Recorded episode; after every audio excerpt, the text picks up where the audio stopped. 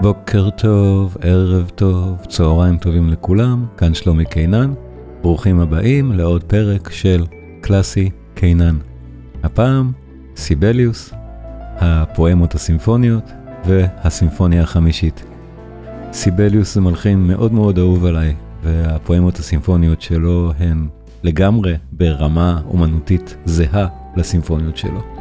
אז במפגש הזה אנחנו עוסקים בפואמות הסימפוניות, שעניינן בדרך כלל תיאורים מהאפוס הלאומי הפיני מהקלבלה, ולקינוח בסימפוניה החמישית הנפלאה, אחת מהסימפוניות הגדולות ביותר של המאה ה-20, ולדעתי בכלל החמישית של סיבליוס.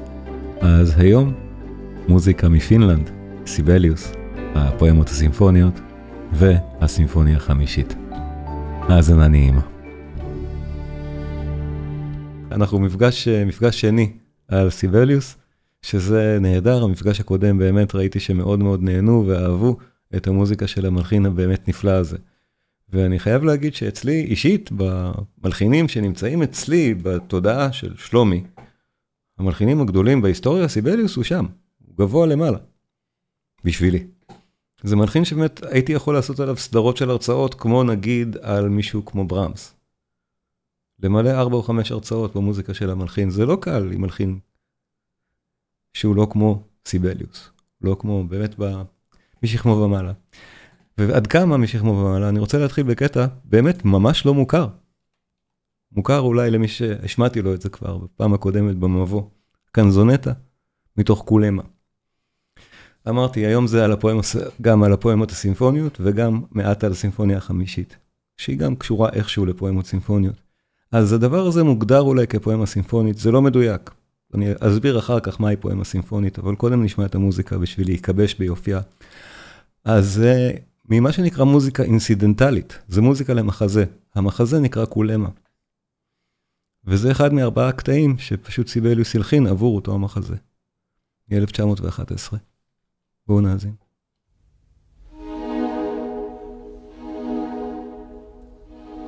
תעצמו עיניים, שימו אוזניות. זה מאלה.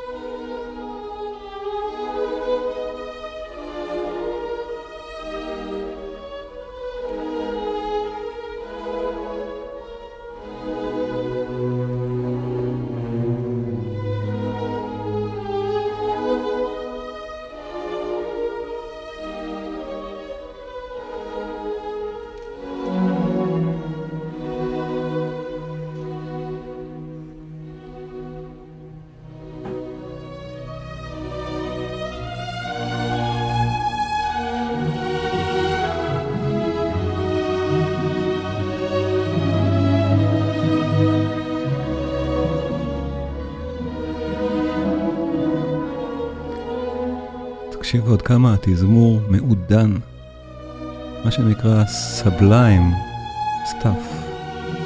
רק תזמורת מיתרים.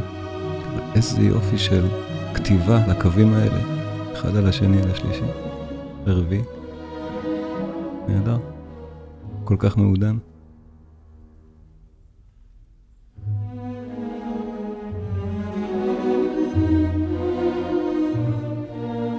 ואני בפעם הראשונה ששמעתי את הקטע הזה, באמת זה היה בדיסק הזה, של uh, נימי ירבי. הוא לא פיני, אבל זה מסביבת ההשפעה הפינית, זה מאסטוניה. אז הוא נחשב כאילו פיני, תזמורת גופר.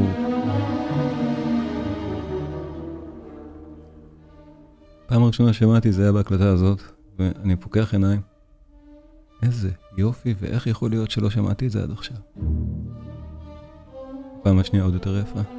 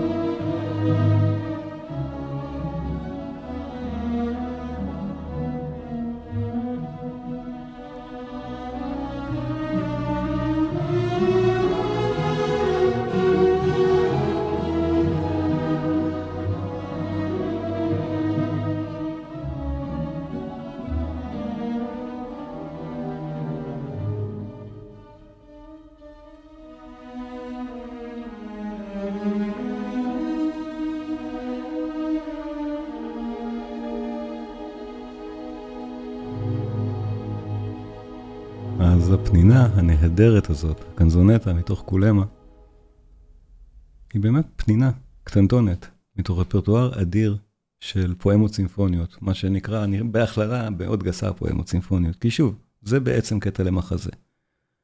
זה יכול להיות מקביל אולי לפרגינט של גריג, שזה מוזיקה שנכתבה עבור מחזה.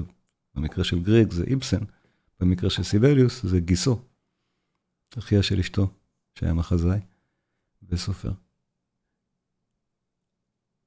אבל הפואמה סימפונית כז'אנר, לא כהכללה, הסוג הזה של כל מיני דברים אינסידנטליים, אלא כז'אנר ממש, יש סוגה כזאת, שנקראת פואמה סימפונית או נקראת tone poem. שזה סוגה שבשעתו ליסט הגה אותה, הגה אותה והלחין גם כמה, והיא תפסה מאוד חזק באירופה.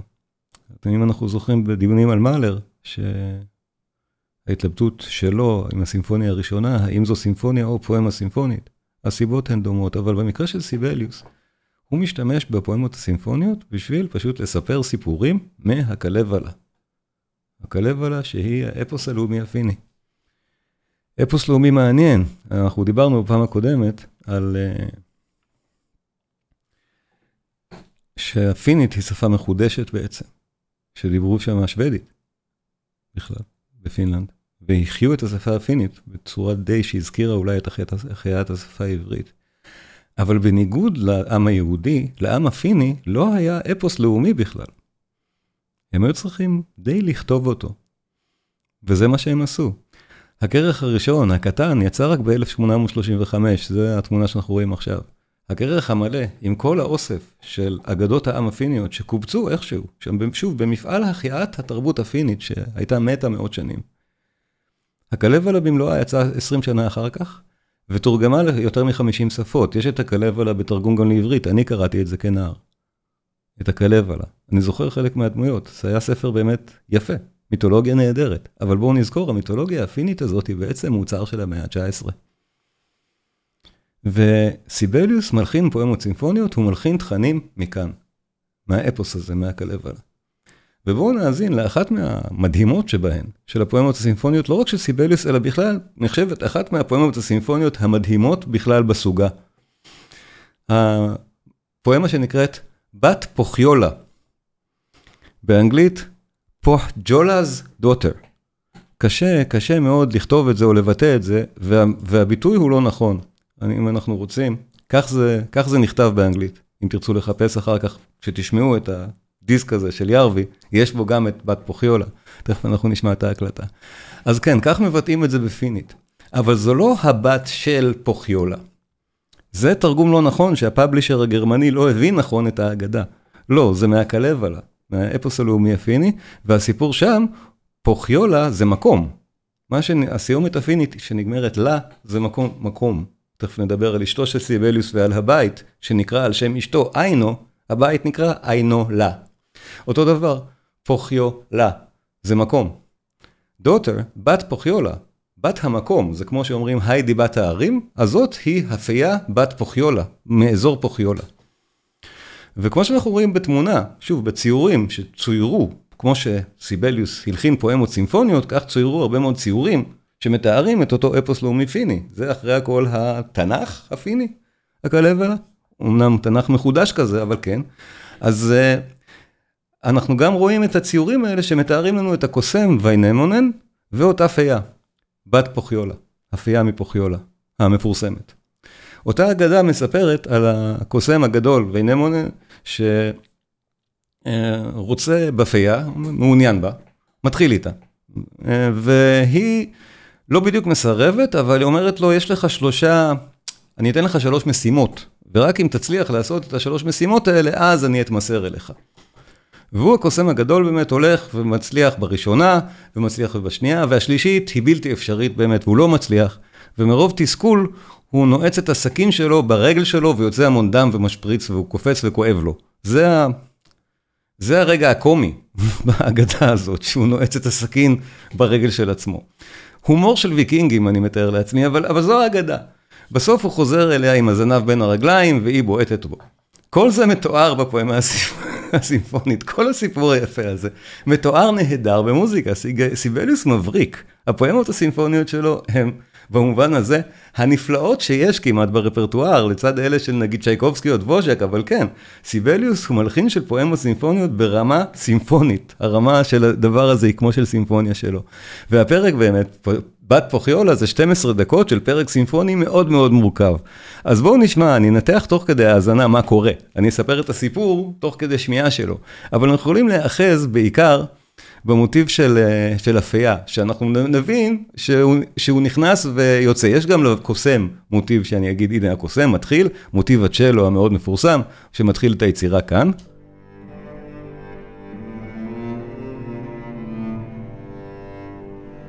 זה הקוסם והאנמונן, כך הוא מתחיל, אנחנו נגיע אליו, ואיך הוא מתפתח.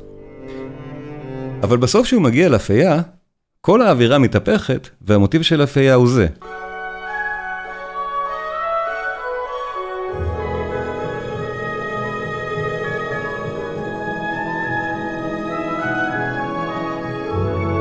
וכל פעם שהוא חוזר אל אפייה, אנחנו מקבלים גלגול של המוטיב שלה, בפעם הבאה שהוא מגיע לאפייה, שוב.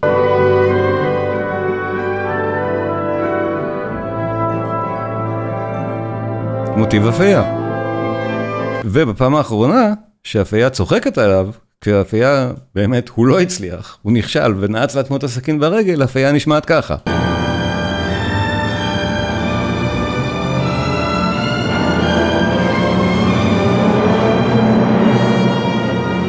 אז יש לנו עבודה מוטיבית מסוגננת נהדר פה לכל האורך, ובואו נעקוב אחרי הפואמה הסימפונית הנפלאה באמת, בת פוכיולה של סיבליוס, שהתיאור בה הוא כל כך קולנועי, שאנחנו נשמע את הסכין ברגל, אנחנו נזהה מיד איך לקחו את זה לסרט, איך ברנרד הרמן משתמש פשוט באותו סוג של מוטיב בשביל לתאר סכין, אבל אחרת. בסרט סייקו, יש לנו גם סצנה עם סכין, שהמוזיקה שמתוארת פשוט לקוחה ישר מכאן.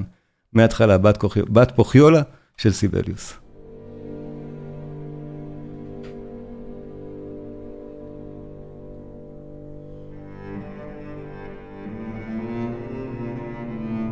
אם זה נשמע למישהו קצת כמו משחקי הכס, אז גם זה נכון.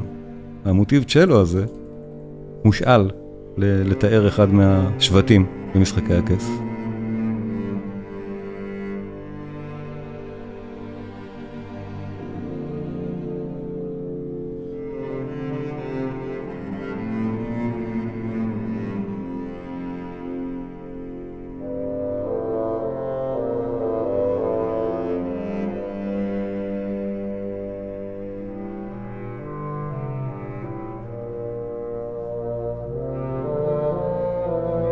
הקוסם ויינמונן במערות שלו מתחיל להתעורר ומתחיל תכף לצאת. הוא יוצא מאותה מערה. כל זה מתואר באגדה בקלבלה.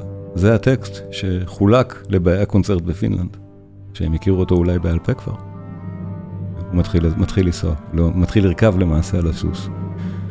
ותכף אנחנו נשמע את הפיגורציה הופכת להיות יותר ויותר של רכיבה. כרגע זאת בהליכה יותר איטית, ועוד מעט אנחנו ממש נשמע רכיבה. זה מאוד קולנועי, שימו לב, מאוד תיאורי.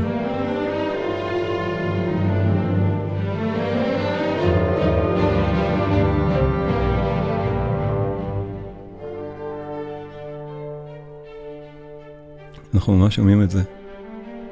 מתחיל להיות רכיבה של סוס, רכיבה על סוס. והנה. זה מאוד וירטואוזי לכל התזמורת. נהדר.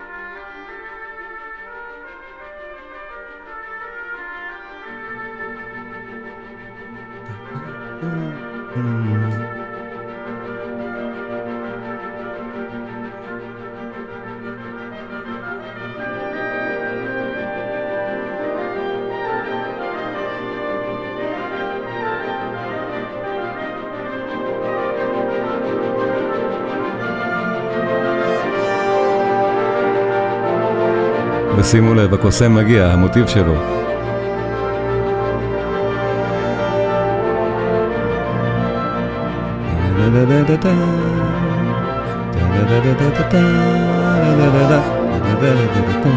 הקוסם מגיע.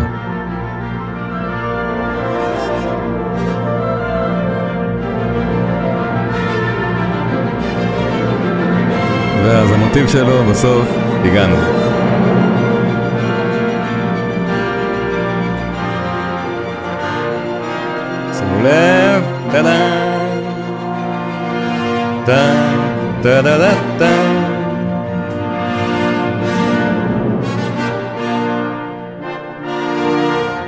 ואז הוא הגיע, והפייה. הפייה נשמעת אחרת לגמרי. אנחנו בסצנה של הפייה. זהו. העולם הקסום. אנחנו בפוכיולה, חבל הארץ המסתורי. ומוטיב הפייה מגיע עכשיו.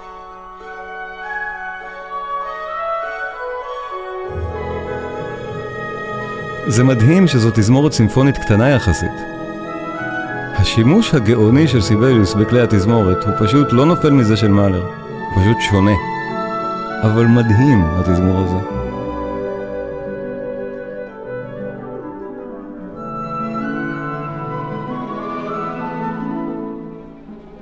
אז הם דיברו אחד עם השני, ונמונן הקוסם והפייה, והוא אמר שהוא רוצה להתחיל איתה, והיא אמרה בסדר, אבל היא נותנת לו שלוש משימות. ושוב, אנחנו שומעים כאן עבודה מוטיבית, הפייה וויינמונן, ממש בדו-שיח, המוטיבים שנבעו משניהם ממקודם. ואני אמליץ שוב על ההקלטה הנהדרת הזאת של ירווי. זמינה ב Spotify ובכל שירותי הסטרימינג. ה tone poems, שלושה דיסקים, זה, כשזה היה דיסקים, יש הרבה. נהדרים, כל אחד מהם. אנחנו זוכרים, ככה הוא יוצא לדרך, ואינומנן כבר שמענו את זה קודם, אז הוא יוצא שוב לדרך.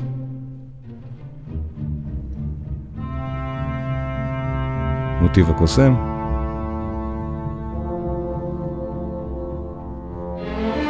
ועושה משימה, זו המשימה. זה אחר כך יהיה מוטיב הסכין.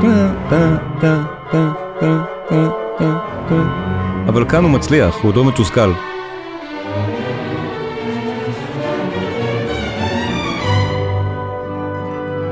ומגיע לפייה, ועוד פעם האווירה.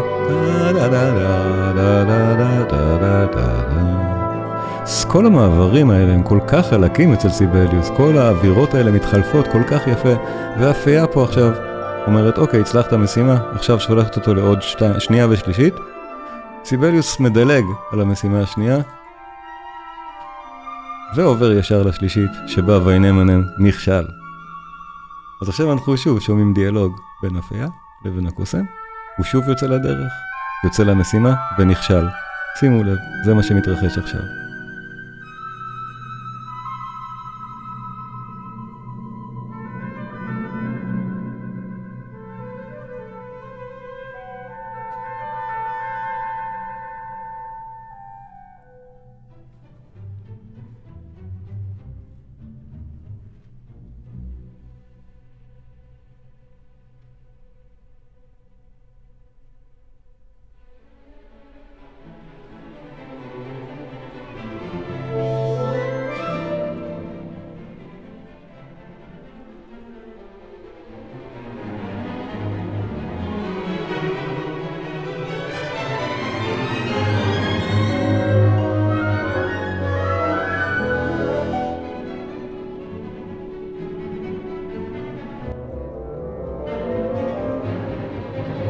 אנחנו בלי ספק במאה ה-20. נכון, אנחנו שומעים את זה, זה מוזיקה של ממש של קולנוע. אז הנה, הקוסם שוב מגיע, זה המוטיבים שלו, היה המוטיב של הרכיבה שלו, ועכשיו המוטיב של ההגעה שלו, ותכף שימו לב מה קורה לסכין. מה קורה לסכין שהוא נועץ לעצמו מרוב תסכול ברגל.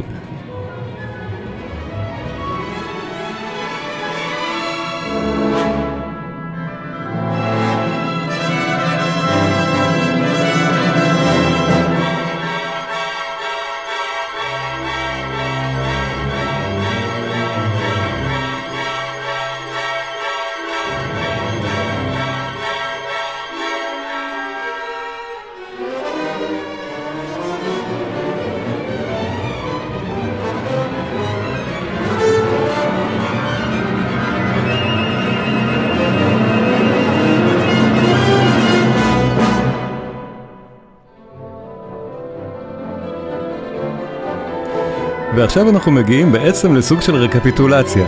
כי זה בנוי בצורה יפהפייה, סוג של מין צורת סונטה במקרו. אז יש לנו את כל הנושאים הנהדרים שנבנו קודם במעבר הזה עכשיו, שכאילו ויינמונן חוזר אל אפייה עם הזנב בין הרגליים, ועוד מעט היא תצחק עליו. אבל עד יש לנו את המעברים הנהדרים האלה, מה שאנחנו שומעים עכשיו, חלק פיתוח כאילו אחרון, יפהפה. הרכיבה הזאת שוב. כך התחלנו, כך הוא רכב הרי, כך הוא יצא לדרך.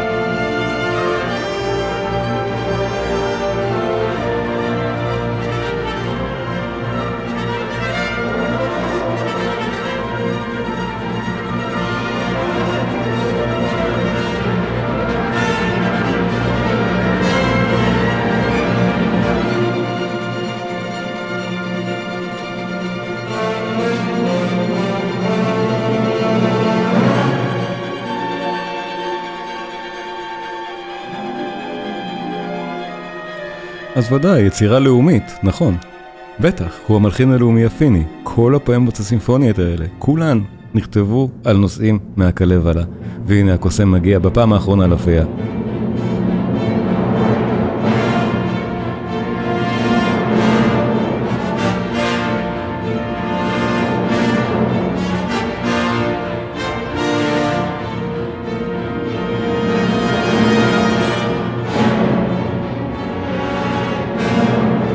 שומעים את המוטיב הזועף שלו מנוגן בפעם הלפני האחרונה.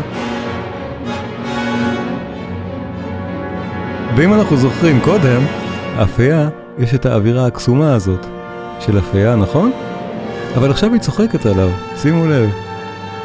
המוטיב שלה עכשיו יהיה באמת רועש, בווליום גבוה, בדינמיקה חזקה ומלגלג. לא הצלחת. ת, תלך חזרה למערה האפלה שממנה באת.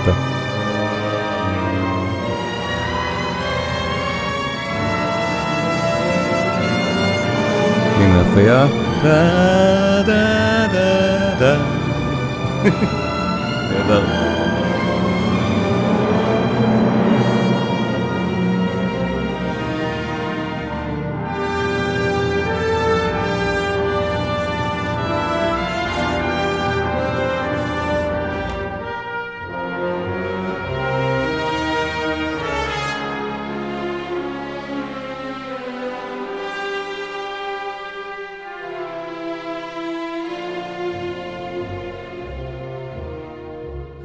והקוסם חוזר עם אותה אווירה שהפואמה התחילה בה, אנחנו מסיימים חזרה. זה מאוד מאוד חרישי, מאוד שקט, אני צריך להגביר פה המון את הווליום.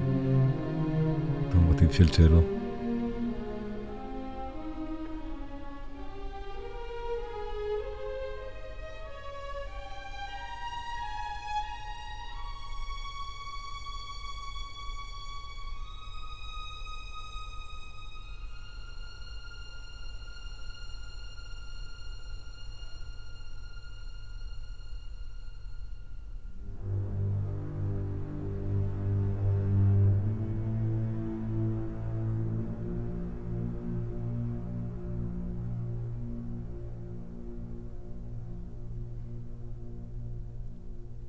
בת פוכיולה.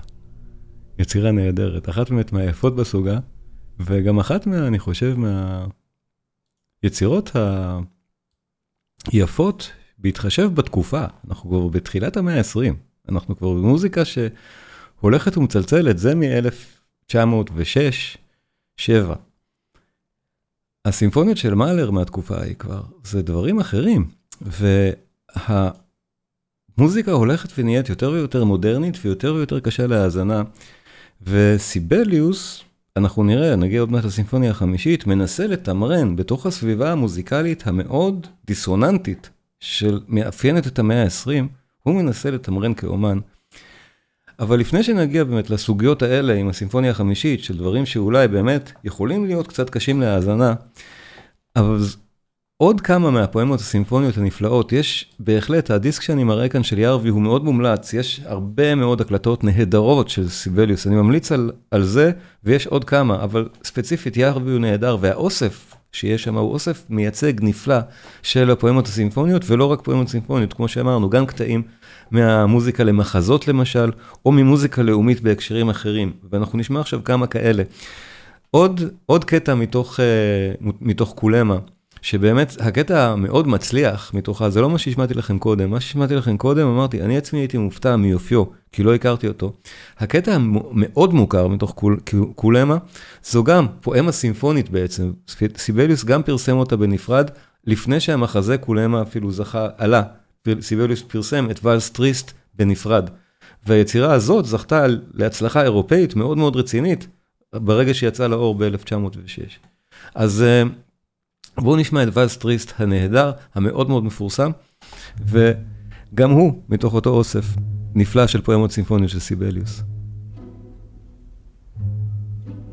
ואלס ודאי שהוא לא סגנון דווקא פיני. וודאי שמדובר כאן במוזיקה למחזה. ואיכשהו הוואלס הזה תפס בכל הבירות האירופאיות. מלחין מלודי גאון.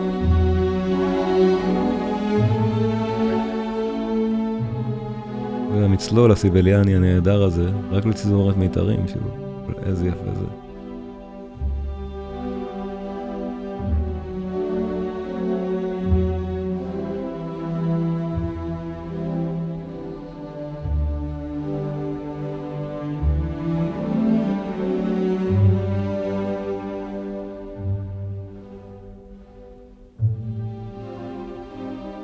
סיבליוס נחשף כאן כמלחין כבר מאוד מאוד מצליח, ושמים לב אליו באירופה. ו... בפעם הקודמת גם כבר רמזתי בכיוון הזה עם הקונצ'רטו לכינור, שההלחנה לא באה לו בקלות. זה היה תהליך אישי קשה מבחינת סיבליוס להלחין יצירות. הם לקחו לו המון זמן והרבה מאוד לבטים. והתחילה להישמע עליו ביקורת על זה שהוא באמת מלחין לאומי שלא זורם עם המודרניזם. ובטח כשאנחנו שומעים יצירה כזאת מתחילת המאה ה-20, אפשר להבין אולי מדוע מותחת ביקורת מהסוג הזה על ידי מלחינים כמו שנברג או סטרווינסקי על מה שאנחנו שומעים עכשיו. אבל מה שאנחנו שומעים עכשיו הוא עדיין נפלא בזכות עצמו. גם אם הוא סוג של רטרו. וודאי שסיבליוס יודע את זה.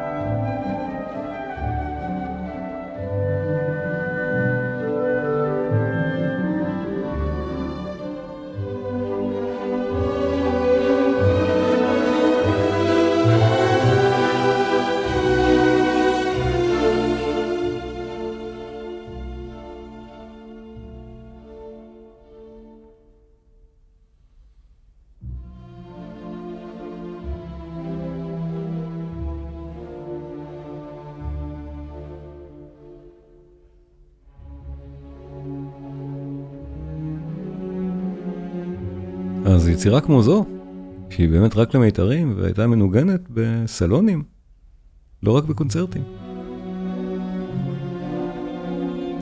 אבל סיבליוס, שההלחנה באה לו קשה, גם הביקורת באה לו קשה, והביקורת הייתה מאוד מאוד נוקבת וחריפה, מאוד מזלזלת.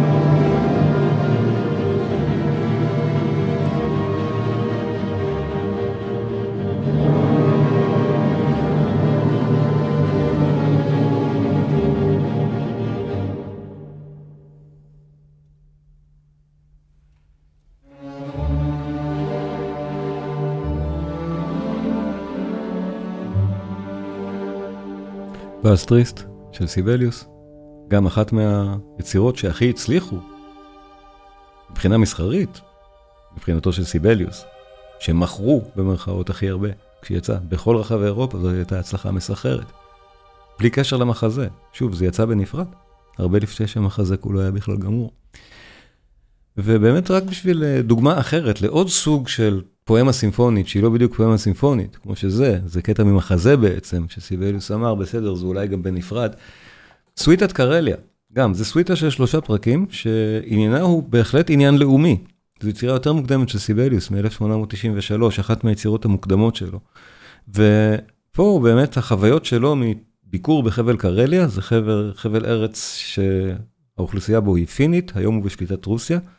אבל אה, גם אז היה כנראה עניין לאומי וקצת שנוי במחלוקת, אז זה יצירה סוויטת קרליה. המרש מתוכה, הפרק השלישי, שזה פשוט פרק משגע, כל היצירה היא משגעת, כל שלושת הפרקים שלה, וגם זה נחשב, זה מתויג כפואמה סימפונית, למרות שזה לא בדיוק, אולי זה שלוש תמונות נוף, אבל זאת סוויטת קרליה, הפרק השלישי, המרש מתוכה, יצירות לאומיות, שוב, חשוב, סיבליוס הדגיש, היצירות הלאומיות שלו, אלה הפואמות הסימפוניות. הסימפוניות זה סיפור אחר. אבל אלה, סוויטת קרליה, ודאי שזו יצירה לאומית. פרק שלישי, מרש. נהדר, נהדר, מה יפים.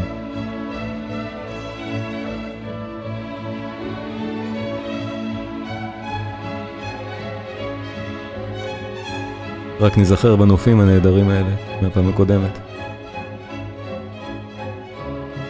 זו יצירה של הנופים האלה.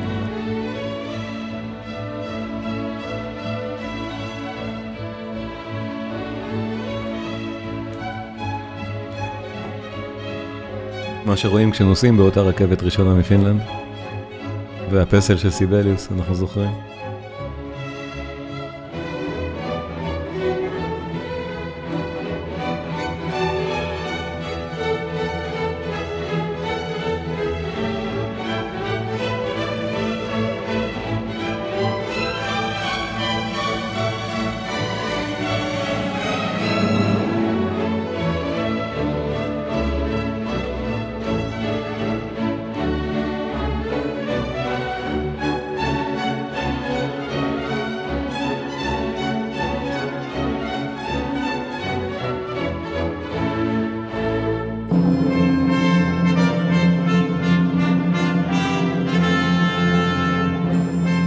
ואנחנו שומעים, לסיבלוס יש צבע כל כך שלו, גם ביצירה המוקדמת הזאת וגם ביצירות האחרות ששמענו בפעם הקודמת והיום ועוד נשמע.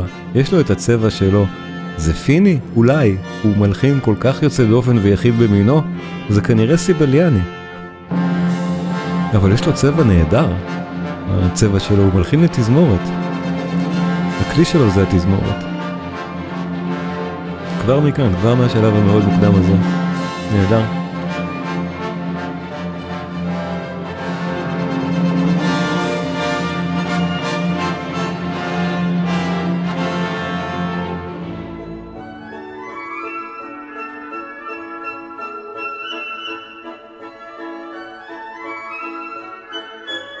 אז ברור, לאומי, כן, מודרניסטי, ודאי שלא. דבר כזה הוא לא מודרניסטי בשום צורה. ועל ההצלחה של יצירות כאלה ואחרות של סיבליוס ברחבי אירופה, באה אותה הביקורת. ובמשתמע, גם יצירות כמו הסימפוניה השנייה והראשונה והקונצ'רטו לכינור שנכשל. אלה עוררו אצל סיבליוס עצמו משבר יצירתי מאוד מאוד חריף, שליווה אותו כל חייו.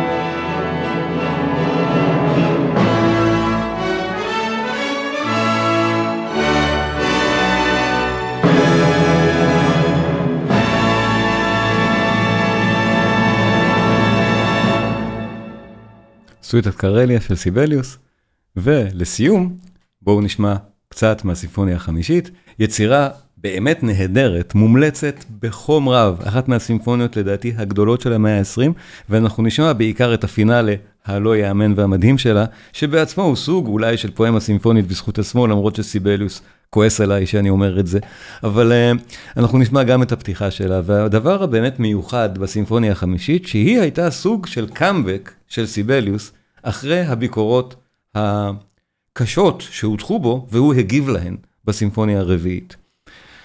הסימפוניה הרביעית של סיבליוס היא יצירה באמת שקשה אולי, אם אני צריך להמליץ לכם עכשיו, תאזינו לאוסף הסימפוניות המלא של סיבליוס, בפעם הראשונה שאתם מאזינים תדלגו על הרביעית. הרביעית של סיבליוס היא ניסיון מודרניסטי במכוון של המלחין, בניסיון ליישר קו מתוך משבר יצירתי עם המוזיקה למשל של שנברג, עם האידיאולוגיה הזאת. הניסיון שבסימפוניה הרביעית של סיבליוס הוא ניסיון מאוד מוצלח אומנותית. זו יצירה נהדרת, אבל אכן מצלצלת כמו יצירה של המאה ה-20 מהכיוון ההוא, של המוזיקה האטונלית והדיסוננטית מאוד. ולכן היא קשה להאזנה. סיבליוס בעצמו היה גם במשבר אישי בריאותי, התגלה אצלו סרטן בגרון, הוא נותח, ובסופו של דבר, אנחנו יודעים, הוא נפטר בשיבה טובה בגיל 91, אבל בתקופה הזאת זה משבר מהסוג הזה גם. שגרם לסימפוניה הרביעית להיות גם יצירה מהסוג הזה. החמישית הייתה הקאמבק. הוא התעשת יצירתית, מצא מחדש את אמצעי הבאה שלו. המשיכו לרדת עליו המבקרים והאומנים מסוגו של שיינברג באירופה. אבל הוא מצא את הקול שלו מחדש בסימפוניה החמישית. וכבר בפתיחה שלה, אנחנו שומעים את האינטגרציה הנהדרת שסיבליוס עושה בין הקול האישי שלו, שאנחנו כבר מכירים מהפואמות הסימפוניות והקונצ'רטו לכינור ששמענו, והסימפוניה השנייה ששמענו לפני כמה חודשים, ובין המודרניזם. בואו נשמע את פתיחת היצירה, ואז את הפינאלה הבאמת מפורסם ומדהים שלה. היצירה מתחילה ככה, ושוב, כאן סיבליוס בעצם אומר, כבר מהתווים הראשונים של היצירה, הוא מכשף בצליל. הצליל שלו כבר כל כך מפורסם, שמיד ששומעים את התווים הראשונים של הפתיחה של היצירה, אנחנו נשמע דקה או שתיים מתוך הפתיחה שלה, אומרים, הנה סיבליוס. בואו נשמע כמה יפה ומקסים זה. ההקלטה שאנחנו שומעים, של סגר סתם.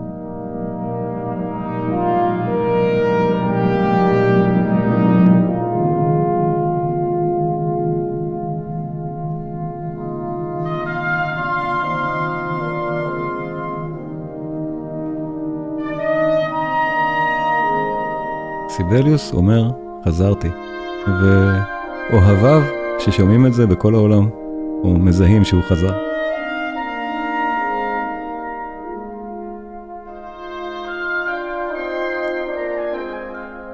מצלול שקשה מאוד לעמוד בפניו, לא משנה אם הוא מודרניסטי, פשוט נפלא. והיצירה כתובה במי במול. זה אמור להיות רמז מקדם מאוד, אה, מאוד רציני לחובבי מוזיקה, שזוכרים שההירואיקה של בטהובן ושל חליל הקסם, שהרבה יצירות מפתח של ניצחון הן במי במול. אז גם זו יצירה במי במול. יצירת ניצחון של סיבליוס, תכף אנחנו נשמע.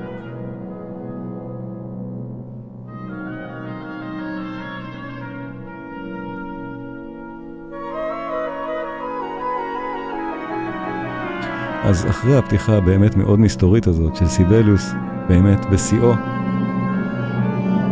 ואני אומר, האזינו, האזינו לפרק הזה במלואו, מתחילתו ועד סופו, אחר כך בהקלטה הנפלאה הזאת של סגרסטאם, כי זו הקלטת מופת, אבל יש עוד המון הקלטות נהדרות של החמישית, אחת מהיצירות הכי מוקלטות של המאה ה-20, בהפרש האמת די גדול, זאת והשנייה של סיבליוס. ובואו נשמע את הפרק השלישי, שמתכתב עם פואמה סימפונית, עם, עם, עם הרעיון הזה של פואמה סימפונית. כי סיבליוס בעצמו הרי אמר, ביקש, הסימפוניות שלי הן יצירות אוניברסליות. זה לא, אלה לא פואמות סימפוניות, זה לא על, על הכלב, על הסימפוניה החמישית או השנייה, הם לא על כלום. הם לא על... אבל כאן הוא אמר כן, בפרק הזה הוא קיבל השראה ממעוף הברבורים מעל הבית שלו ושל אשתו, מעל איינולה, כך נקרא, נקרא הבית שבו הם היו גרים. אה, זה מוזיאון מפורסם היום, איינולה, הבית של סיבליוס. הוא מפורסם בעוד הקשרים, שאם אנחנו נדבר שוב על סיבליוס, נדבר עליהם. בהקשרים של מה שנקרא השתיקה של איינולה. זה שסיבליוס לא הלחין כלום בשלושים השנה האחרונות לחייו, אבל זה בא אחר כך. זו איינולה. פה המוזיאון, פה הוא גר, עם אשתו, עם היינו. והוא סיפר שהמוטיב, המוטיב הראשי של הסימפוניה החמישית, של הפינאלה, המוטיב הזה,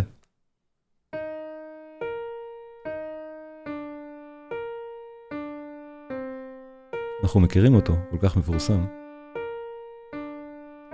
זה מוטיב הברבור.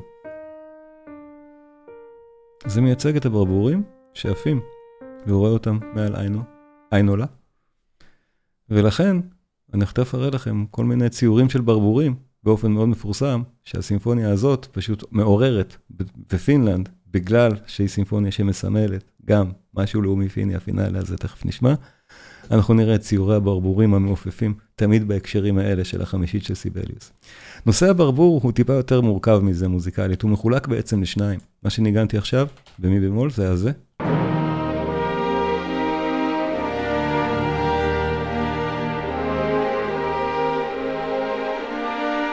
אנחנו כבר שומעים כמה זה חזק, אבל עליו יש עוד סופרפוזיציה של משהו אחר.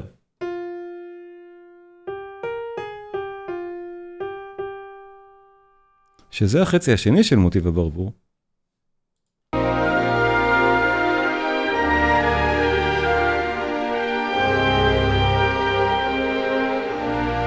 ותכף כשאנחנו נשמע את הפרק, אני אזכיר לכם, הנה, החצי הראשון והחצי השני, תראו איך הם נפרדים ואיך הם חוזרים ואיך הם באים בסוף ביחד, לכלל השיא, הקתרזיס העצום של סוף הסימפוניה, שזו סימפוניית ניצחון, וזה אחד מהפינאלים, אחד מהפרקים המסיימים סימפוניות, הגדולים ברפרטואר, זה נחשב, האמת, לא רק על ידי, על ידי מבקרים שעושים משאלים על הדברים האלה.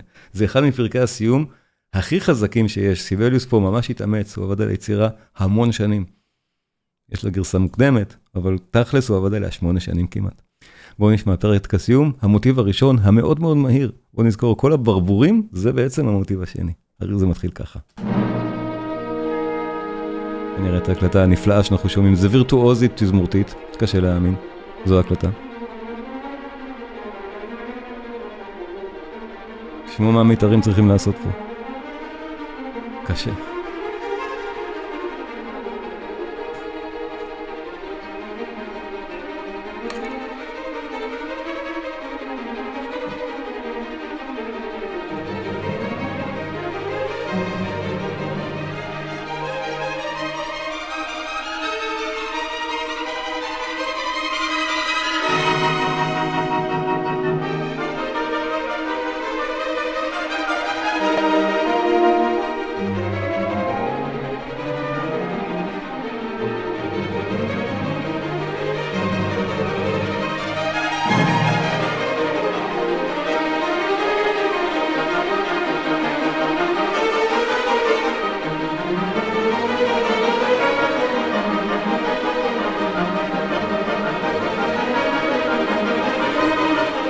שימו לב, תכף מגיע לנו נושא הברבור. נו, מוטיב הברבור מגיע עכשיו וכובש את העולם.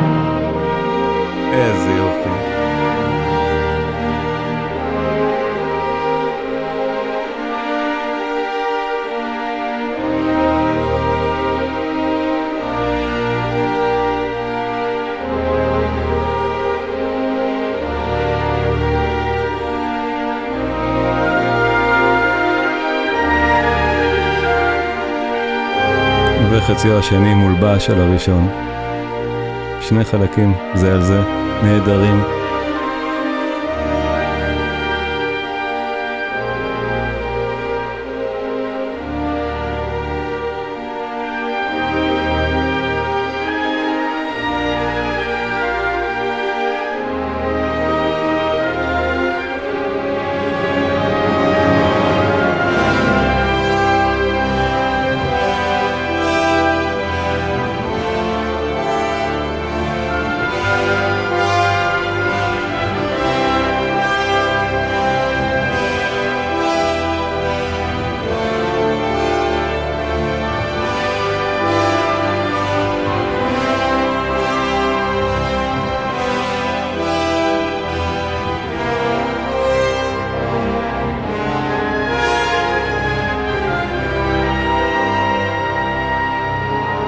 היינו סיבליוס.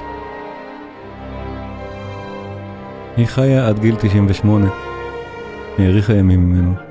חיה נפטרה בשנות ה-60 של המאה ה-20.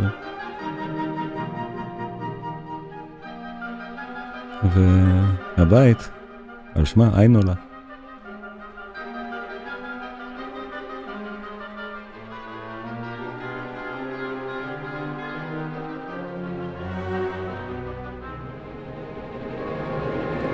סיבליוס, כידוע, הלחין שבע סימפוניות.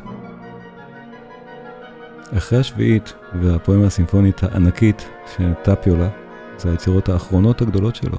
אחר כך, 30 שנה, הוא לא הלחין כלום, או לא הלחין שום דבר לביצוע.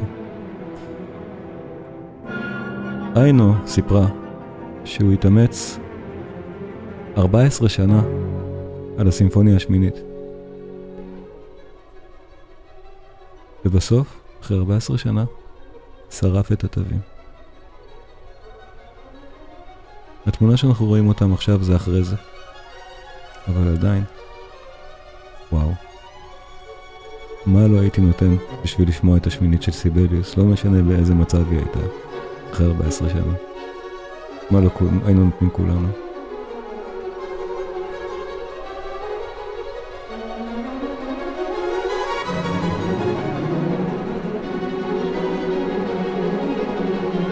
שימו לב איך עכשיו יופיע החצי השני של מוטיב הברבור בפוקוס. הוא יהיה בפרונט, והחצי הראשון יהיה מאחורה. אנחנו ממש נשמע את המוטיב הלירי מאוד של הברבור. זה המוטיב של כנראה שירת הברבור, לעומת המוטיב שהוא כנפי, משק כנפי הברבור. אז שירת הברבור, המוטיב הזה עכשיו, זוכה להיות בפרונט, שימו לב.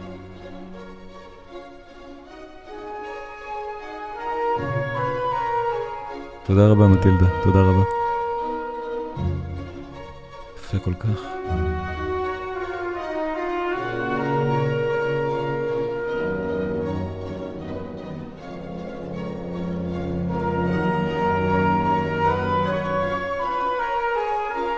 שוב, אני אראה את ההקלטה הנפלאה והמומלצת שאנחנו שומעים עכשיו, של סגר סתם בהלסינקי.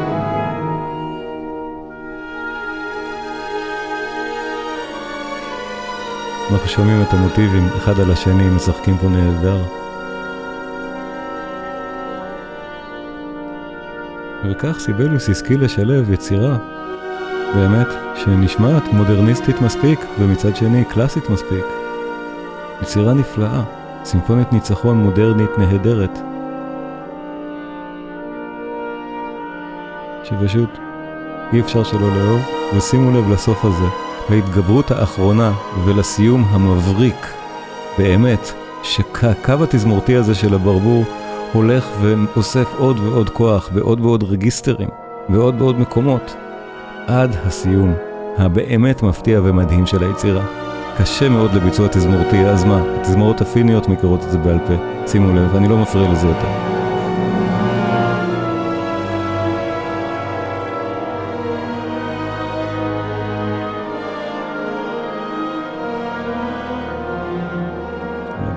קצת, סליחה, כן. כי יש לנו את נושא הברבור הראשון, תכף בא לנו עוד פעם.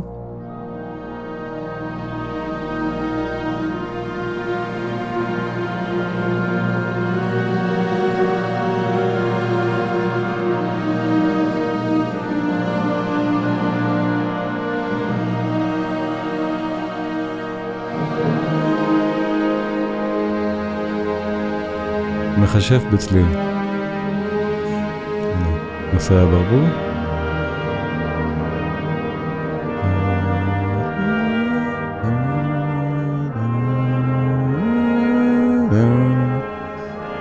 זה עכשיו יאסוף עוד ועוד כוח ויגיע לקתרזיס מושלם, תכף תשמע את זה.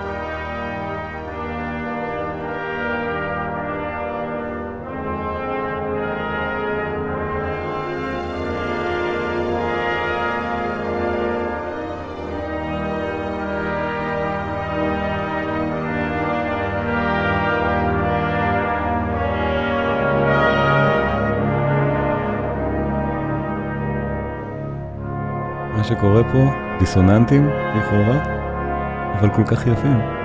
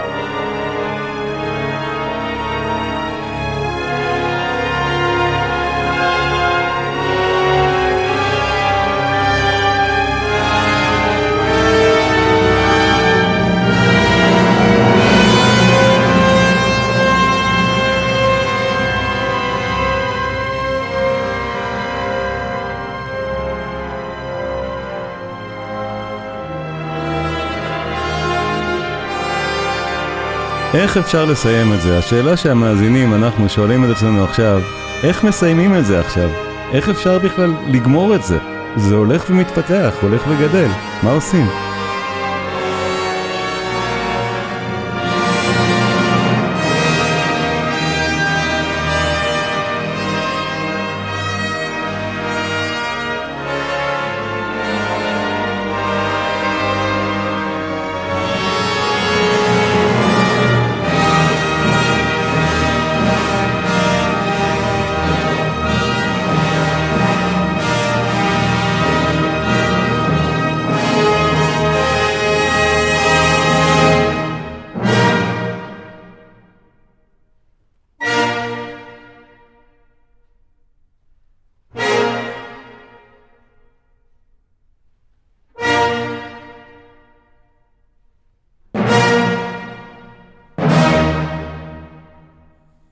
החמישית של סיבליוס, והפעימות הסימפוניות. תודה רבה לכם, הייתם נהדרים. לפני שנפרדים, תנו לי לספר לכם על הקורסים הדיגיטליים שנמצאים כבר ברשת. קלאסי קינן, הקורסים הדיגיטליים של שלומי קינן. הקורסים מיועדים לחובבי מוזיקה מעמיקים שרוצים לדעת יותר. המפגשים מועברים בלשון בהירה וקלה, בלי צורך בקריאת תווים או השכלה מוזיקלית. השיעורים כוללים גם המלצות על ביצועים והקלטות של היצירות. בכל קורס יש שיעור פתוח אחד לצפייה ללא תשלום, מה שאומר שזה שווה, אפילו אם אתם לא רוצים לשלם עליהם, יהיה לכם שם תוכן לראות בחינם. הקורסים שכבר יש, באך, מוזיקה מגן העדן. עמדאוס, המוזיקה האלוהית של מוצרט. מבוא למוזיקה של ריכרד וגנר. בטהובן, העוצמה והיופי. וחדש, מאלר, המשורר הסימפוני. כל אחד מהקורסים האלה יותר מ-15 שעות, וכל הזמן מתווסף גם עוד חומר. הקורסים עצמם דינמיים, ואני מוסיף להם הרצאות נוספות ככל שאני בעצמי עורך אותם. אז זה כל הזמן גם משתפר ומשתדרג. מי שמעוניין לבדוק, הקישור נמצא בתיאור של הסרטון בו אתם צופים עכשיו. אני מזכיר לעשות subscribe, לעשות לייק, ואנחנו נשתמע בפעם הבאה.